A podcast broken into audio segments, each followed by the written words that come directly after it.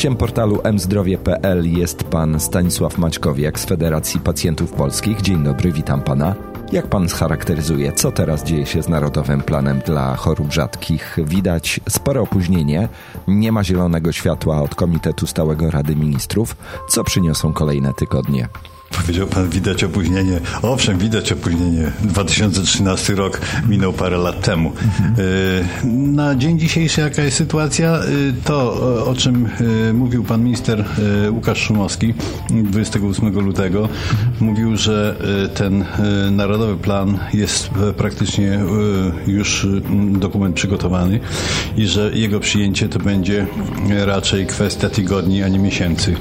No, przesuwa się troszkę nam ten, e, no, to przyjęcie Narodowego Planu.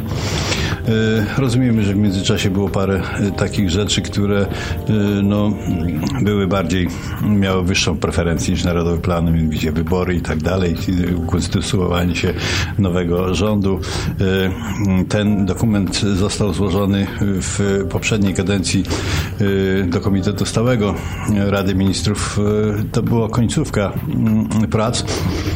E, więc nie udało się jego przyjąć, mam nadzieję, ale mamy informację od ministra Króla, że e, e, nie ma tak zwanej dyskontynuacji, jeśli chodzi o pracę nad tym przyjęciem Narodowego Planu, więc nowa, nowy komitet stały ma się tym dokumentem zająć w najbliższym czasie i mamy nadzieję, że jeszcze w tym roku zostanie przyjęty uchwałą Rady Ministrów. Realny scenariusz jest taki, że w grudniu powinno być zatem zielone światło od Ministerstwa Zdrowia, tak? Z przekazu pana ministra Króla e, wynika, że e, ten ma wysoką preferencję, że tak powiem, ten dokument i że on będzie procedowany w najbliższym czasie. Plan zakłada między innymi wprowadzenie paszportów dla pacjentów, czyli takie specjalne dokumenty, które mają pomóc zorientować się w tym, gdzie pacjent powinien trafić, do którego ośrodka, a do którego nie jak rozmawiałem wcześniej z ministrem Szumowskim, podobno już trwają prace nad systemem informatycznym. Zatem jak pan sądzi, kiedy pierwsi pacjenci będą mogli z tego skorzystać? Tego nie wie nikt, e, jaki to, e, jaka będzie procedura. Z uwagi na to, że tak jak e, dzisiaj mówił i pan minister, mówiłem ja również na tej konferencji, Narodowy Plan jest to dokument kierunkowy. To nie jest dokument wykonawczy. Mhm. Na podstawie tego dokumentu kierunkowego będą opracowane dokumenty wykonawcze. I te rzeczy, o których Pan mówi, będą zawarte w tych dokumentach wykonawczych. Kiedy to będzie przygotowane?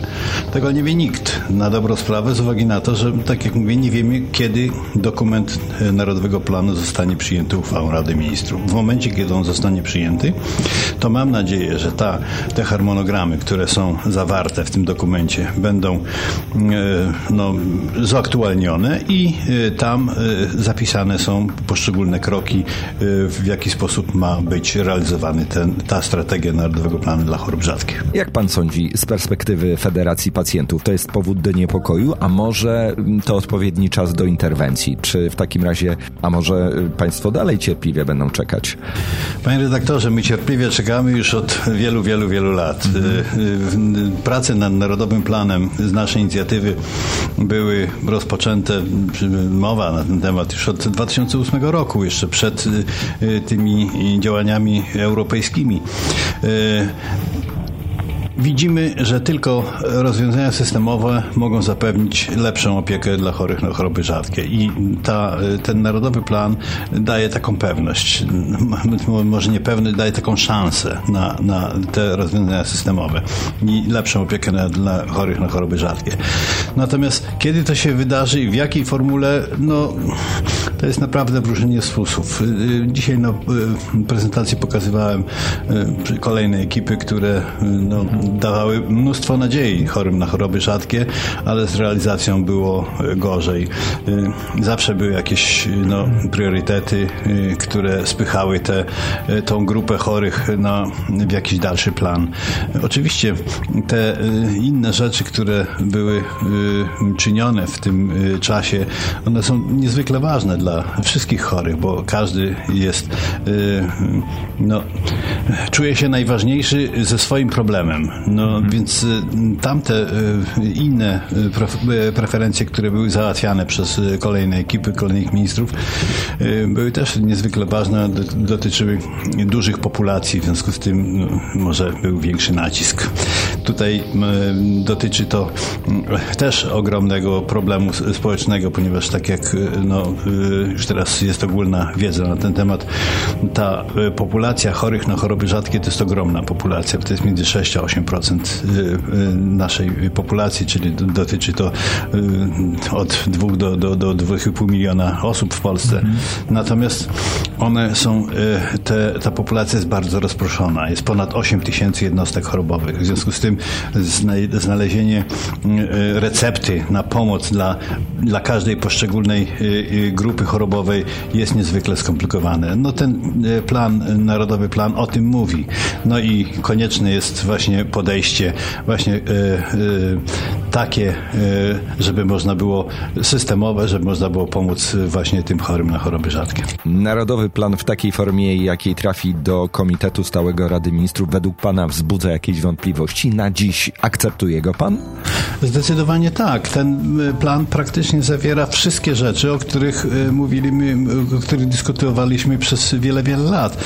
Tam są pewne rzeczy, które mm, zgodnie z deklaracją pana ministra Króla będą zawarte w tych dokumentach. Tu chodzi o paszporty, prawda? No nie tylko. No, o tych paszportach jest mowa w Narodowym Planie. Natomiast głównie tu chodzi o sprawę zarządzania samym, całym problemem pacjentów chorych na choroby rzadkie. Ponieważ z naszego punktu widzenia y, taka y, ogrom, ten ogromny problem, jakim jest y, leczenie chorych na choroby rzadkie, taka ogromna populacja, no, wymaga tego, żeby znaleźć no, zarządzanie tym problemem przynajmniej przez Departament w Ministerstwie Zdrowia. Czy coś dziś Pana zaskoczyło w czasie wypowiedzi konferencyjnych ministra Króla? Raczej nie. Te informacje od ministra Króla są jasne i, one no, mm, są przekazywane w, w tej wiedzy, którą pan minister Król posiada, a mianowicie to, że mm, ten harmonogram realizacji, przyjęcia tego, tego dokumentu jest taki, a nie inny, czyli najpierw musi ukonstytuować się nowy rząd i żeby e, mógł e, rozpatrywać, przyjąć te, e, te dokumenty.